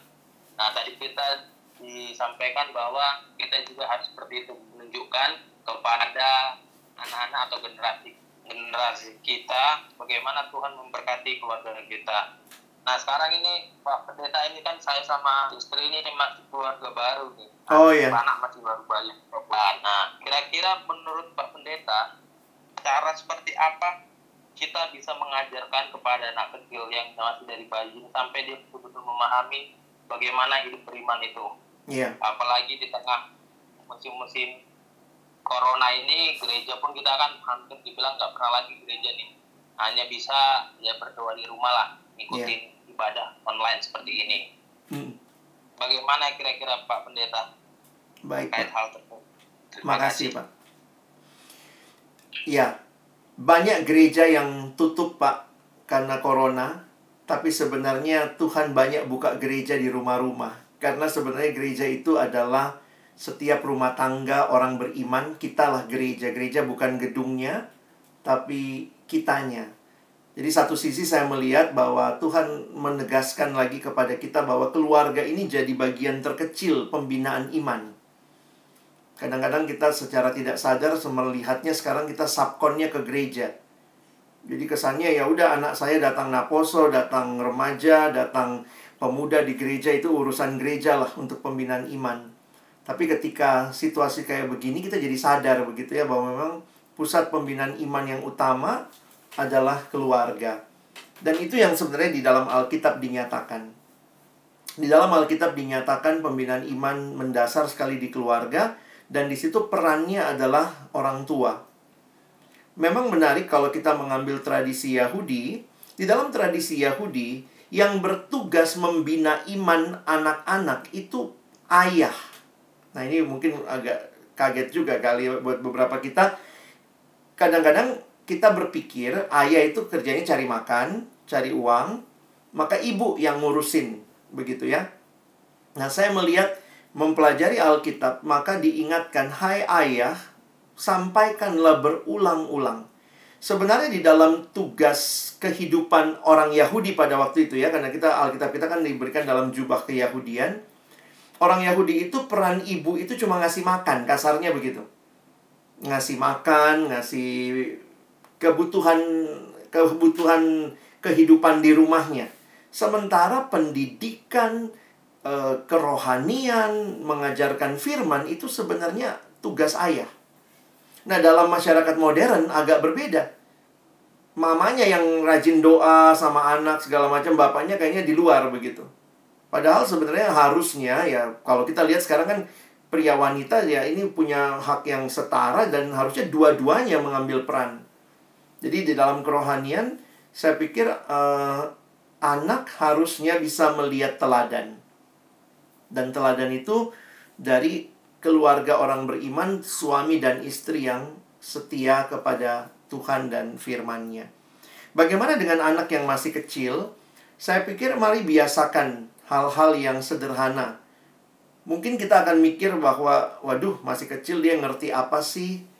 Tapi misalnya untuk memberikan suasana suasana keluarga yang berdoa begitu ya, misalnya ketika berdoa sama-sama maka anak juga ya kalau dia lagi tidur ya didudukin atau apa ya di di di pangku diajak duduk di jadi mungkin belum bicara mengajarkan apa tetapi sikap-sikap yang seharusnya misalnya. Sikap hidup untuk menghormati Tuhan, menghormati firman Tuhan, meng mengajar anak melipat tangan berdoa. Nah, saya pikir tentu setiap umur kan punya tahap perkembangan ya. Jadi jangan dituntut lebih dari umurnya. Kalau masih kecil ya mungkin kita berdoa kita dekatkan ke telinga anak itu supaya kita meyakini dia mendengar. Dia mendengar dan dia tahu dia diajar berdoa. Dan hal-hal yang mungkin secara sederhana bisa dilakukan. Dan nanti seiring berjalannya waktu terus pelihara mesbah keluarga menjadi bagian yang penting bagi kehidupan kerohanian keluarga jangan sampai nanti ya ada yang memang bilang ya orang tua Indonesia ini kita kadang-kadang nggak terlalu peduli sama kerohanian anak gitu. Saya kaget juga emang gitu ya. Emang iya. Um, saudara sepupu kita, saudara sepupu kita misalnya sangat rindu anaknya itu selesai tamat baca Al-Quran. Karena itu mereka anak-anaknya tuh pulang sekolah ngaji. Dan mereka punya target kira-kira SMP kelas 3 dia udah selesai tamat mengaji ya seluruh Al-Quran. Ya anak-anak orang Kristen pulang sekolah les. Ya nggak salah sih ya. Les, les matematika, fisika, mafia begitu ya. Supaya masa depannya cerah. Tapi saya juga sedih juga kalau ternyata banyak keluarga anak-anak tuh nggak biasa, nggak dengar firman Tuhan di rumah. Dengarnya nanti di gereja, di sekolah. Harusnya tempat pertama mereka mendengar firman Tuhan adalah di rumah. Jadi harusnya orang tua tuh bangga juga, wih anakku selesai baca Alkitab loh, kira-kira begitu kali ya. Tapi memang itu jadi aneh kali ya. Kalau orang tua ngumpul, wih anakku les sama si ini, bagus dia cara ngajarnya, pinter sekali anakku, nilainya segini. Jadi kadang-kadang memang yang dibanggakan oleh orang tua Kristen juga bukan kerohanian ya. Yang itu yang mungkin saya pikir kita mesti belajar uh, sensitif juga gitu ya, untuk melihat bahwa tanggung jawab kerohanian itu tanggung jawab keluarga dan dimulai dari rumah. Ketimbang nanti kalau anak udah narkoba atau udah apa baru ayolah ajak-ajak ke gereja. Ya, mungkin udah tanda kutip ya. Uh, tidak ada yang telat tentunya dalam Tuhan, tapi jangan sampai terlanjur tapi mulailah bangun sejak kecil biasakan di dalam kehidupan rumah tangga. Biasakan anak mendengar juga bapaknya berdoa, mamanya berdoa. Jadi itu jadi bagian yang menolong. Saya pikir itu mungkin, Pak.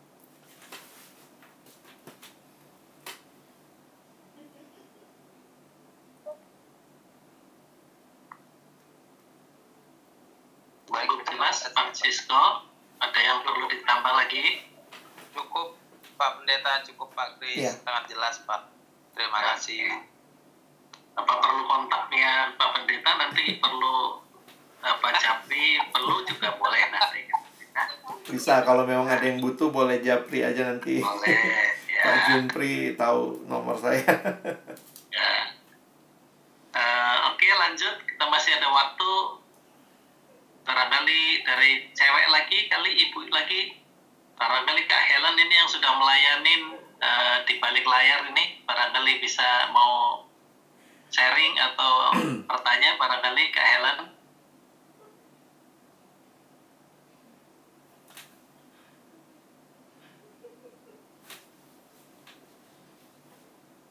Dek, kedengeran, Dek. Halo.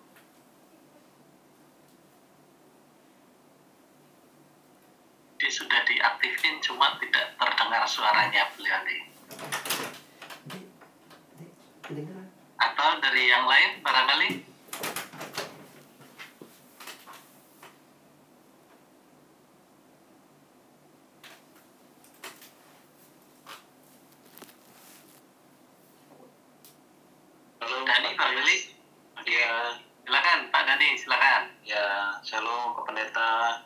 Semua Shalom Pak. Saya Dani Silitonga.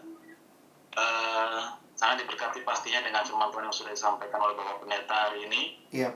Uh, saya semakin dirimain gitu ya, bagaimana perlunya kita memiliki uh, pengalaman pribadi dengan Tuhan ya. Iya. Ketika kita concern kita bukan hanya pada bukan pada tentunya bukan pada berkat Tuhan tapi pada Tuhan itu sendiri maka kondisi apa pun yang akan kita alami kita nggak akan kecewa gitu ya pendeta yeah. jadi mungkin sedikit sharing yang saya alami sebelum saya diterima bekerja di Pertamina uh, jadi empat tahun saya setelah tamat kuliah kemarin saya sempat bekerja di perusahaan swasta di Medan uh, dan kerinduan memang tadinya ada beberapa perusahaan yang sudah saya coba lamar sampai bahkan di tahap-tahap terakhir hmm. Sudah berdoa sudah dengar sudah beriman supaya berhasil ternyata Tuhan katakan tidak gitu ya dan empat tahun kemudian saya uh, coba di Pertamina dan tidak ada yang mungkin bisa saya katakan apa ya di luar dari yang kita harapkan pastinya hmm. ya yang sudah Tuhan sediakan yang terbaik. Seringkali kita itu hanya memandang kepada uh, masalah yang kita alami gitu. Oh aku gagal nih, di mana Tuhan itu gitu ya kalau yeah, saya. Yeah. Padahal sungguhnya berkat yang sudah Tuhan sediakan bagi kita itu melebihi dari apa yang sudah kita pikirkan gitu ya. Yeah. Jadi kalau mungkin Nabi Habakuk dia mengalami Tuhan dengan dia berdoa, meminta, kemudian dia mendengar dan beriman gitu ya. Menurut saya itu uh, perjalanan sorry. Nggak apa-apa. Itu perjalanan imam yang harus dialami mungkin dengan setiap kita menurut saya. Karena bagaimana ya kalau ayatnya siuk dia siuk juga. Kalau kita um, mengalami Tuhan ya sesuka apa pun masa-masa yang mungkin kita alami saat ini itu nggak akan apa namanya uh, menggantikan sukacita kita bahkan ya. nggak yeah. mengubah uh, apa namanya ya damai sejahteranya kita gitu. Ya. Benar sekali bahwa kita setiap kita itu harus mengalami Tuhan. Mengalami Tuhan itu bagaimana ya? Kalau yang saya alami sendiri ketika kita melakukan sesuatu sejahtera nggak kita mengerjakan itu gitu. Ketika kita uh, bahkan berdoa sekalipun ya kita berdoa meminta itu sejahtera nggak kita mengerjakan itu? Karena sering kali kita berdoa itu untuk memuaskan keinginan kita gitu ya Pak Pendeta ya. Yeah. aku pingin ini pingin itu. Padahal sesungguhnya Tuhan bukan merindukan itu dalam hidup kita gitu ya. Jadi uh, yang ingin saya bagikan malam hari ini ya biarlah setiap kita itu mengalami Tuhan secara pribadi. Yeah. terlalu capek mungkin. Kayak ini Pak Pendeta sudah mengajarkan kita ya. Kita sudah tahu firman Tuhan. Uh, kita sudah tahu hukum Taurat tapi kita tidak mengalami Tuhan gitu. Sering kita hanya sebagai penuntut saja jadinya. Tuhan aku sudah lakukan ini lakukan itu tapi kenapa harus seperti ini gitu? Kecewaan jadinya kan? Tapi kalau kita mengalami Tuhan Tuhan sendiri yang akan memberi pengertian bagaimana kita harus menghadapi masa-masa itu mungkin itu yang bisa saya bagikan. Makasih Pak Dani terima kasih ya. sharingnya. Terima kasih Pak Deni ada lain? Hal yang lain? Uh, mungkin kasih waktu satu lagi pertanyaan saja karena sudah hampir malam juga ini. Satu lagi pertanyaan, saya kasih ke waktu.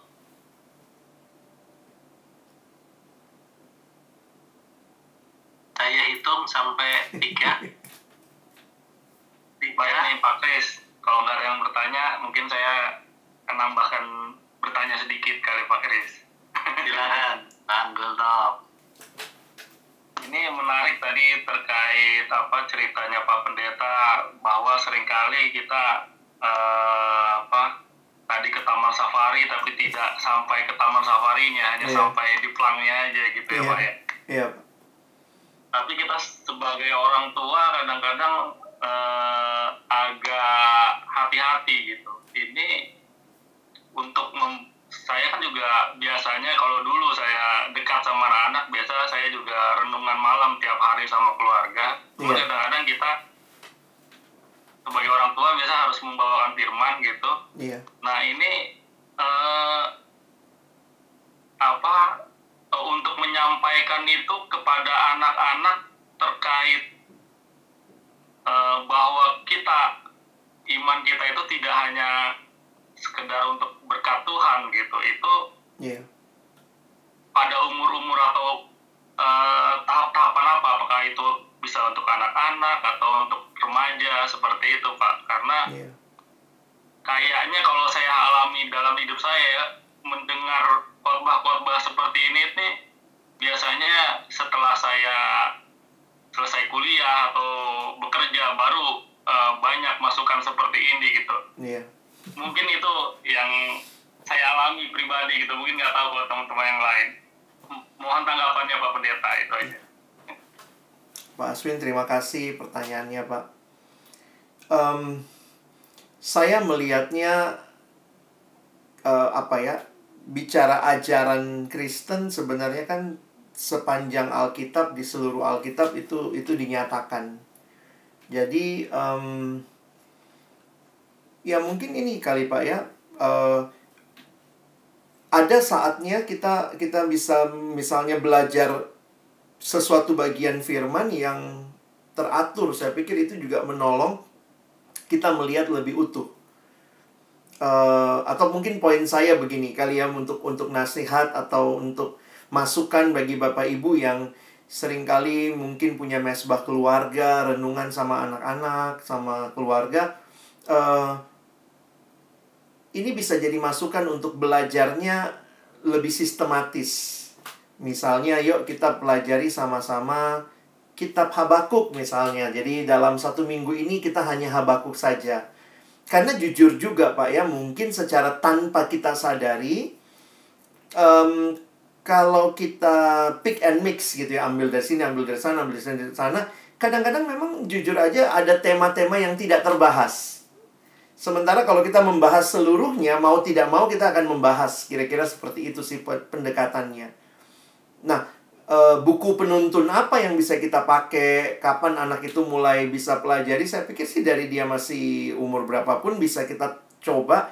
Yang jelas adalah kita memberikan ini bukan bukan cuma ajaran saya, ini ini apa yang misalnya Alkitab sampaikan tentang uh, kok kok Nabi bisa ngomong sekalipun ini nggak ada, ini nggak ada, ini nggak ada, aku akan bersorak-sorai. Ini orang gila atau apa gitu ya? Tapi kemudian kita bisa lihat iya ya, ternyata lebih dalam lagi ada sesuatu yang lebih lebih secure, lebih pasti. Itu yang menjadi tema perenungan Habakuk kita tiga, tiga kali ini ya.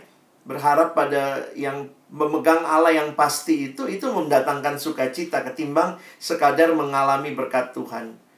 Nah jadi uh, Ya, saya sih menganjurkan, mengusulkan dari umur berapa saja Bapak Ibu bisa menolong anak-anak mengerti lebih luas dan pemahamannya dan mungkin itu akan menolong kalau mereka membahas bagian demi bagian ketimbang uh, hanya comot dari ayat ini, comot dari ayat itu gitu. Kalau memang butuh materi materi-materi, Bapak Ibu bisa masuk ke sabda.org atau mungkin ke santapan santapan harian ya. Santapan harian itu renungan yang dibuat menyeluruh seluruh kitab. Jadi misalnya setelah belajar Habakuk, yuk kita belajar kitab ratapan misalnya. Jadi supaya anak-anak juga oh ada ya kitab ratapan. Nanti belajar kitab Efesus. Jadi mungkin kalau kita bisa lihat nah di di internet atau di santapan harian itu sudah ada uh, menyeluruh. Memang hal-hal seperti itu dibahas. Mungkin begitu kali masukan saya, Pak ya. Terima kasih. Baik. Sama-sama. Terima kasih Pak Pendeta. Tuhan berkati Pak Karena sangat bagus ya. Mungkin tadi yang saya tangkap ada baiknya pembahasan itu berseri ya dalam satu kitab tertentu. Jadi iya. tahu dari awal sampai akhirnya. Makasih Betul. Pak. Iya Pak, sama-sama. Cukup Bang Asbin ya. Terima kasih. Uh, mulai uh, sharing sedikit ya sebagai saya kebetulan udah tua juga Pak. Kalau Pak Pier itu sudah hampir ini saya nomor dua lah setelah Pak Pier lah Iya, kira-kira. Dan Iya, saya sebetulnya ada sedikit uh, uh, sharing lah sebagai orang tua untuk ngajar anak gitu ya. Sebetulnya anak itu paling mudah mencontoh Hmm.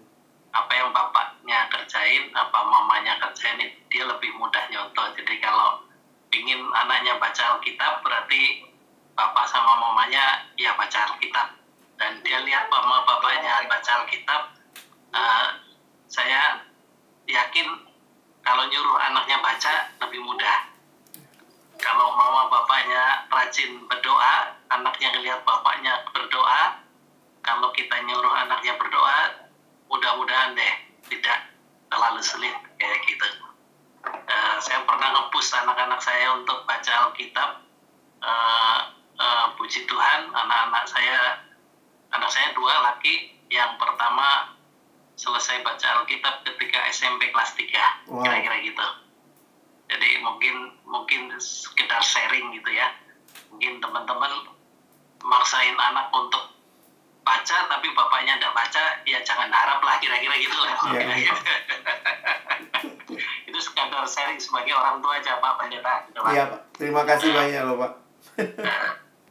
mungkin karena waktu jualah yang Ya. harus kita menyetop eh, tanya jawab ini sebetulnya saya ada tiga empat pertanyaan pak pendeta tapi eh, karena moderator jadi saya tidak bertanya mungkin mungkin saya kasih waktu pak Yunpri satu dua eh, ada hal yang perlu disampaikan sekaligus pengumuman untuk nextnya silakan Pak Yunpri saya persilahkan Terima kasih Pak Kris sebagai moderator.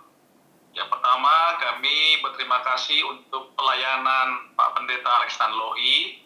Ya udah tiga uh, minggu berturut-turut memberikan waktu dedikasi untuk melayani kami dan dengan sabar juga nih meladeni pertanyaan-pertanyaan dan hal-hal lain.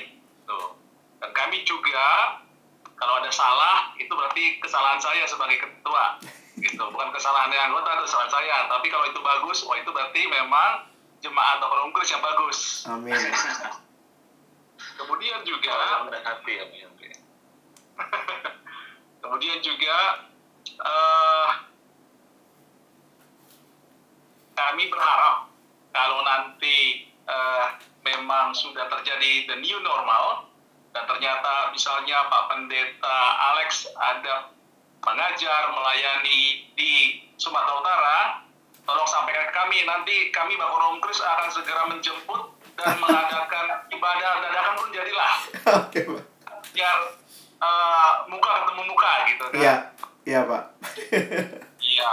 Pokoknya kami jemput di Parapat pun nggak masalah itu, gitu ya. Oh, masalah kali Pak Nggak masalah kali itu. Oke, Jadi karena kami yang di Medan ini gampang, tempatnya juga terjangkau dalam satu komplek, gampang lah. Oh, ya, oke. nanti istilahnya eh, BPK udah lengkap lah itu langsung Ah. tersedia. Mantap, Pak. Kemudian, iya. Nah itu juga sebenarnya masih utang kami nih untuk Pak Pendeta. Masa Pak Pendeta menjamu dengan di firman Tuhan kami nggak menjamu dengan makanan khas di sini gitu, Oh, gitu kan. ya.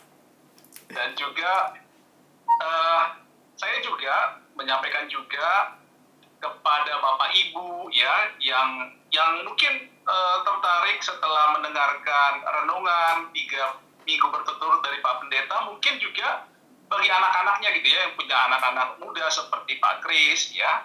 Eh, karena saya sendiri juga belajar dari eh, akunnya Pak Pendeta di YouTube ya atau di IG mungkin please subscribe ya itu banyak materi-materi pembinaan yang saya pikir nah ini contohnya tadi saya Oh, ya. sengaja untuk ini ya. Itu saya pikir luar biasa karena beliau memang eh, sudah terbiasa di eh, mahasiswa ya di siswa juga. Dan ya mungkin eh, mungkin bahasanya lebih gaul ya daripada bahasa yang sekarang ini gitu ya. Jadi saya pikir itu bagus sekali. Tuh. Makasih, Pak. ya di YouTube juga ada ya kemudian eh, berikutnya adalah nanti setelah ini akan ada survei ibadah. Sebenarnya bapak ibu nanti cukup meluangkan waktu nggak sampai satu menit untuk mengisi. Ini juga menjadi bahan masukan kami. Untuk kami berbuat yang lebih baik. Kemudian berikutnya, puji Tuhan untuk uh, next week, uh, saya dari pagi tadi coba menghubungi pembicara dan uh, ke depan uh, minggu depan kita akan berbicara tentang menjadi pekerja Kristus yang mulia. Hmm. Jadi para orang-orang luar biasa juga seperti Pak Pendeta ini tadi tiga panelis sudah siap ya. Hmm. Dua adalah mantan direktur Pertamina sudah siap, wow. yaitu Pak Frederick Siahaan sudah siap tadi sudah oke okay, bilangnya ya. Nanti beliau mau bersaksi tentang perjalanan imannya ya yang begitu spektakuler sampai masuk penjara, dibebaskan, dan nanti kita dengar apa sih yang dirasakan oleh beliau dan keluarganya. Dan juga ada mantan direktur gas, Pak Hari Karyuliarto juga siap untuk berbagi. Dan satu lagi adalah dari eksternal adalah uh, Presiden Direktur Indosemen, Pak Christian Kartawijaya. Beliau juga seorang hamba Tuhan, ya. Hmm saya baca luar biasa beliau dulu direktur keuangan Indosemen ya. Terus ngambil uh, sabbatical ya. Cuti di luar uh, tanggungan perusahaan Indosemen untuk mengambil uh, teologi di Amerika dua tahun. Pas balik malah ditawarin malah bukan jadi pendeta tapi ditawarkan menjadi direktur utamanya Indosemen gitu. Dan uh, mereka bertiga sudah oke okay, tapi tinggal kita lihat waktunya kapan apakah tetap Rabu malam atau hari-hari lain karena mengumpulkan uh, beliau bertiga nanti waktunya uh, semoga bisa dan mereka sharing mereka itu nanti boleh menguatkan kita sebagai pekerja-pekerja untuk menjadi pekerja Kristus yang mulia. Saya pikir itu aja Pak Kris. Terima kasih pelayanannya juga untuk Kak Helen, Bang Evan, dan lain-lain. Dan saya juga bersyukur setelah ini katanya Pak Dodi mau menyumbangkan lagu dengan gitar gitarnya ini. Luar biasa. Beliau tadi terinspirasi oleh Pak Pendeta kata nyanyi. Silakan Pak. Terima kasih. Atau mungkin juga ada Bapak Ibu yang mau me, apa, menyampaikan testimoni selama tiga minggu ini dipersilahkan. Ya, ucapan terima kasih juga boleh, silakan. Terima kasih Pak Pendeta. Salam Sama-sama. untuk keluarga Jakarta. Iya. Thank you Pak. Terima kasih Pak Yontri. Uh, mungkin uh, apa setelah setelah ini kami kesempatan kesempatan Pak Dodi menyumbangkan sebuah lagu. Setelah itu Pak Pendeta uh, berdoa syafaat dan doa berkat untuk kita semua. Dan uh, tadi ada testimoni ya Pak Yunpri ya. Tadi terima kasih Pak. Saya juga terima kasih. Saya diberkati banget sama Pak Pendeta. Mungkin kalau ketemu next trip uh, ada topikal yang lain, tapi bukan Habakuk 4 Pak. Udah nggak ada. Kalau Habakuk 4 saya agak Pak Pendeta akan kesulitan untuk menjelaskan kepada saya. Iya. Baik. Iya Pak, Habakuk cuma sampai tiga soalnya. Silakan Pak Dodi, kami kasih kesempatan Pak Dodi, halo, monitor. Monitor. Silakan Pak Dodi, silakan Pak Dodi. Halo Bapak Pendeta, Pak Kris, Pak Yundri. Malam Pak. Semuanya. Saya ingin menyaksikan kebaikan Tuhan Yesus yang luar biasa melalui satu pujian ini.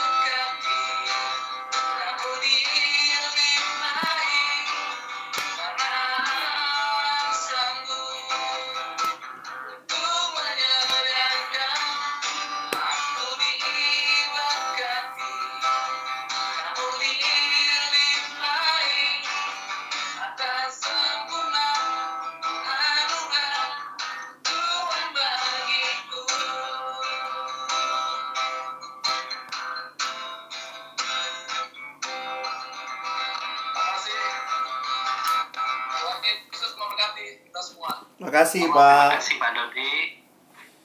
Silakan Pak Pendeta kita tutup dalam doa doa sahabat. Uh, titip juga untuk perusahaan kami Pertamina uh, keuangan yang tetap eksis untuk melayani energi di negeri kita Pak. Terima kasih. Silakan Pak. Mari Bapak Ibu yang dikasihi Tuhan, kita satukan hati dalam doa syafaat dan juga menutup ibadah kita malam hari ini kita berdoa. Kami sungguh bersyukur kepada Tuhan di tengah segala pergumulan yang dialami bangsa bahkan dunia. Kesempatan ibadah seperti ini Engkau berikan kepada kami. Terima kasih ya Tuhan. Kembali malam hari ini hati kami diarahkan kepada Tuhan, melihat kepada Engkau Allah satu-satunya sumber segala berkat. Terima kasih untuk pembahasan tiga minggu ini dalam kitab Habakuk yang menolong kami juga makin mengenal siapa yang menjadi Allah yang disembah Habakuk. Allah yang hidup dan engkaulah juga Allah yang menuntun hidup kami. Terima kasih menyerahkan terus kehidupan pribadi lepas pribadi para pekerja Kristiani di Pertamina. Kiranya melalui hidup kami ya Tuhan, namamu dimuliakan Orang lain boleh melihat Yesus yang hidup di dalam diri kami. Secara khusus juga bersyukur untuk keluarga yang Tuhan berikan kepada kami, baik bagi Bapak Ibu yang sudah berumah tangga maupun juga bagi mereka yang sedang mencari pasangan hidup. Kami berdoa di dalam anugerah-Mu. Engkau Allah yang memberkati dan juga memberikan pasangan yang tepat sesuai dengan kehendak yang daripada Tuhan. Bagi rumah tangga yang memiliki anak-anak, kami terus berdoa Biarlah anak-anak juga boleh mengenal Tuhan sejak masa muda mereka, bertumbuh menjadi pribadi yang takut akan Tuhan. Dan kiranya sebagai orang tua kami juga boleh menjadi teladan bagi mereka yang membimbing mereka di dalam iman kepada Tuhan. Terima kasih banyak ya Tuhan. Kami terus berdoa untuk pendidikan anak-anak kami, studi mereka walaupun saat ini mungkin harus belajar dari rumah dan situasi ke depan. Kami berdoa juga kiranya dalam anugerahmu Tuhan yang membuka jalan agar kiranya pertumbuhan, studi, perkembangan kerohanian anak-anak kami boleh sungguh-sungguh kami serahkan ke dalam tangan pengasihan Tuhan. Kami bersyukur untuk persekutuan kami, persekutuan dan pelayanan Bakor Umkris, dan juga setiap bagian gereja Tuhan yang terus melayani di tengah-tengah situasi yang ada saat ini. Kami menyerahkan pergumulan-pergumulan yang dialami, biarlah kiranya Kasih Tuhan boleh nyata memakai pelayanan-pelayanan ini bagi perluasan kerajaan-Mu ya Tuhan. Melalui setiap pelayanan ini banyak orang yang dibangun imannya untuk terarah hanya kepada Tuhan. Berkati gereja Tuhan dalam situasi pandemi ini agar terus menyaksikan kebenaran Tuhan di tengah-tengah situasi yang sulit ini. Bapa dalam surga, kami juga menyerahkan secara khusus untuk penanganan COVID-19 secara khusus seluruh tim medis yang bekerja dengan upaya yang maksimal ya Tuhan untuk bisa menyelesaikan, memulihkan orang-orang yang terkena dampak dari COVID-19 ini. Kami terus berdoa untuk pemerintah bangsa negara kami. Di tengah-tengah situasi ini biarlah terus ada kebijakan-kebijakan yang baik yang diambil yang untuk memperhatikan kehidupan rakyat banyak maupun juga untuk kemajuan kesejahteraan bangsa kami ya Tuhan. Kiranya Engkau yang memberkati untuk kondisi dan juga pemerintah kami untuk menyikapi kondisi ini dengan baik. Secara khusus, malam hari ini kami mau menyerahkan Pertamina ke dalam tangan Tuhan. Secara khusus bagi Bapak Ibu, saudara-saudaraku yang bekerja di Pertamina Tuhan, kiranya Engkau memakai setiap kami yang bekerja untuk jadi alat Tuhan membangun perusahaan ini yang sangat membutuhkan terus topangan bagi kesejahteraan banyak orang yang terkait di dalamnya. Bagi penyediaan energi di bangsa kami ya Tuhan secara khusus. Menyerahkan agar kiranya terus ada inovasi yang baik yang dilakukan untuk bisa melayani Indonesia dan juga bisa survive dalam situasi sulit seperti saat ini. Berikan ide-ide kreatif, pemikiran-pemikiran terobosan untuk dilakukan dan dikerjakan. Dan setiap Bapak Ibu Saudara dalam pos masing-masing bisa mengerjakan tugasnya bagi kemuliaan nama Tuhan. Kami percaya menyerahkan seluruh pimpinan dari komisaris, direktur sampai seluruh jajarannya yang ada di Pertamina Tuhan yang memberkati, Tuhan yang memberikan perlindungan. Terima kasih Tuhan. Pada akhirnya kami juga menyerahkan waktu kami malam hari ini untuk beristirahat agar Tuhan yang kiranya menyertai dan memberkati kami. Dan kami mohonkan berkat yang daripada Tuhan untuk setiap kami. Kiranya kasih karunia dari Tuhan Yesus Kristus, kasih yang kekal dari Allah Bapa, di dalam pimpinan, penyertaan, persekutuan Roh Kudus, menyertai saudara sekalian malam hari ini sampai selama-lamanya. Amin.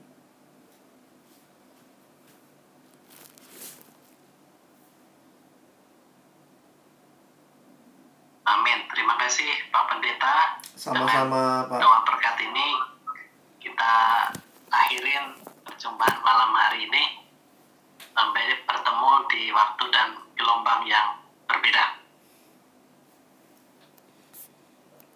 Mungkin teman-teman mau say hello sama Pak Pendeta, silakan Bapak-Bapak Ibu sekalian. Terima kasih. Terima kasih, Pak. Sama-sama. Terima kasih. Ibu Ivon, Tuhan berkati. Dapat tahu Terima kasih Pak Pendeta. Sama-sama, Pak. Terima kasih Pak Kris. Terima kasih Pak Pendeta. Iya, Pak. Sama-sama. Tuhan berkati. Terima kasih Pak Pendeta, terima Iya. kasih Pak Kris. terima kasih Bu. Iya, Ibu. Pak. Pak Dekris, terima kasih Pak Dek. Bu Ivo, terima kasih Pak Yupri. Terima kasih Pak. Sama-sama. Tuhan berkati. ini ketemu.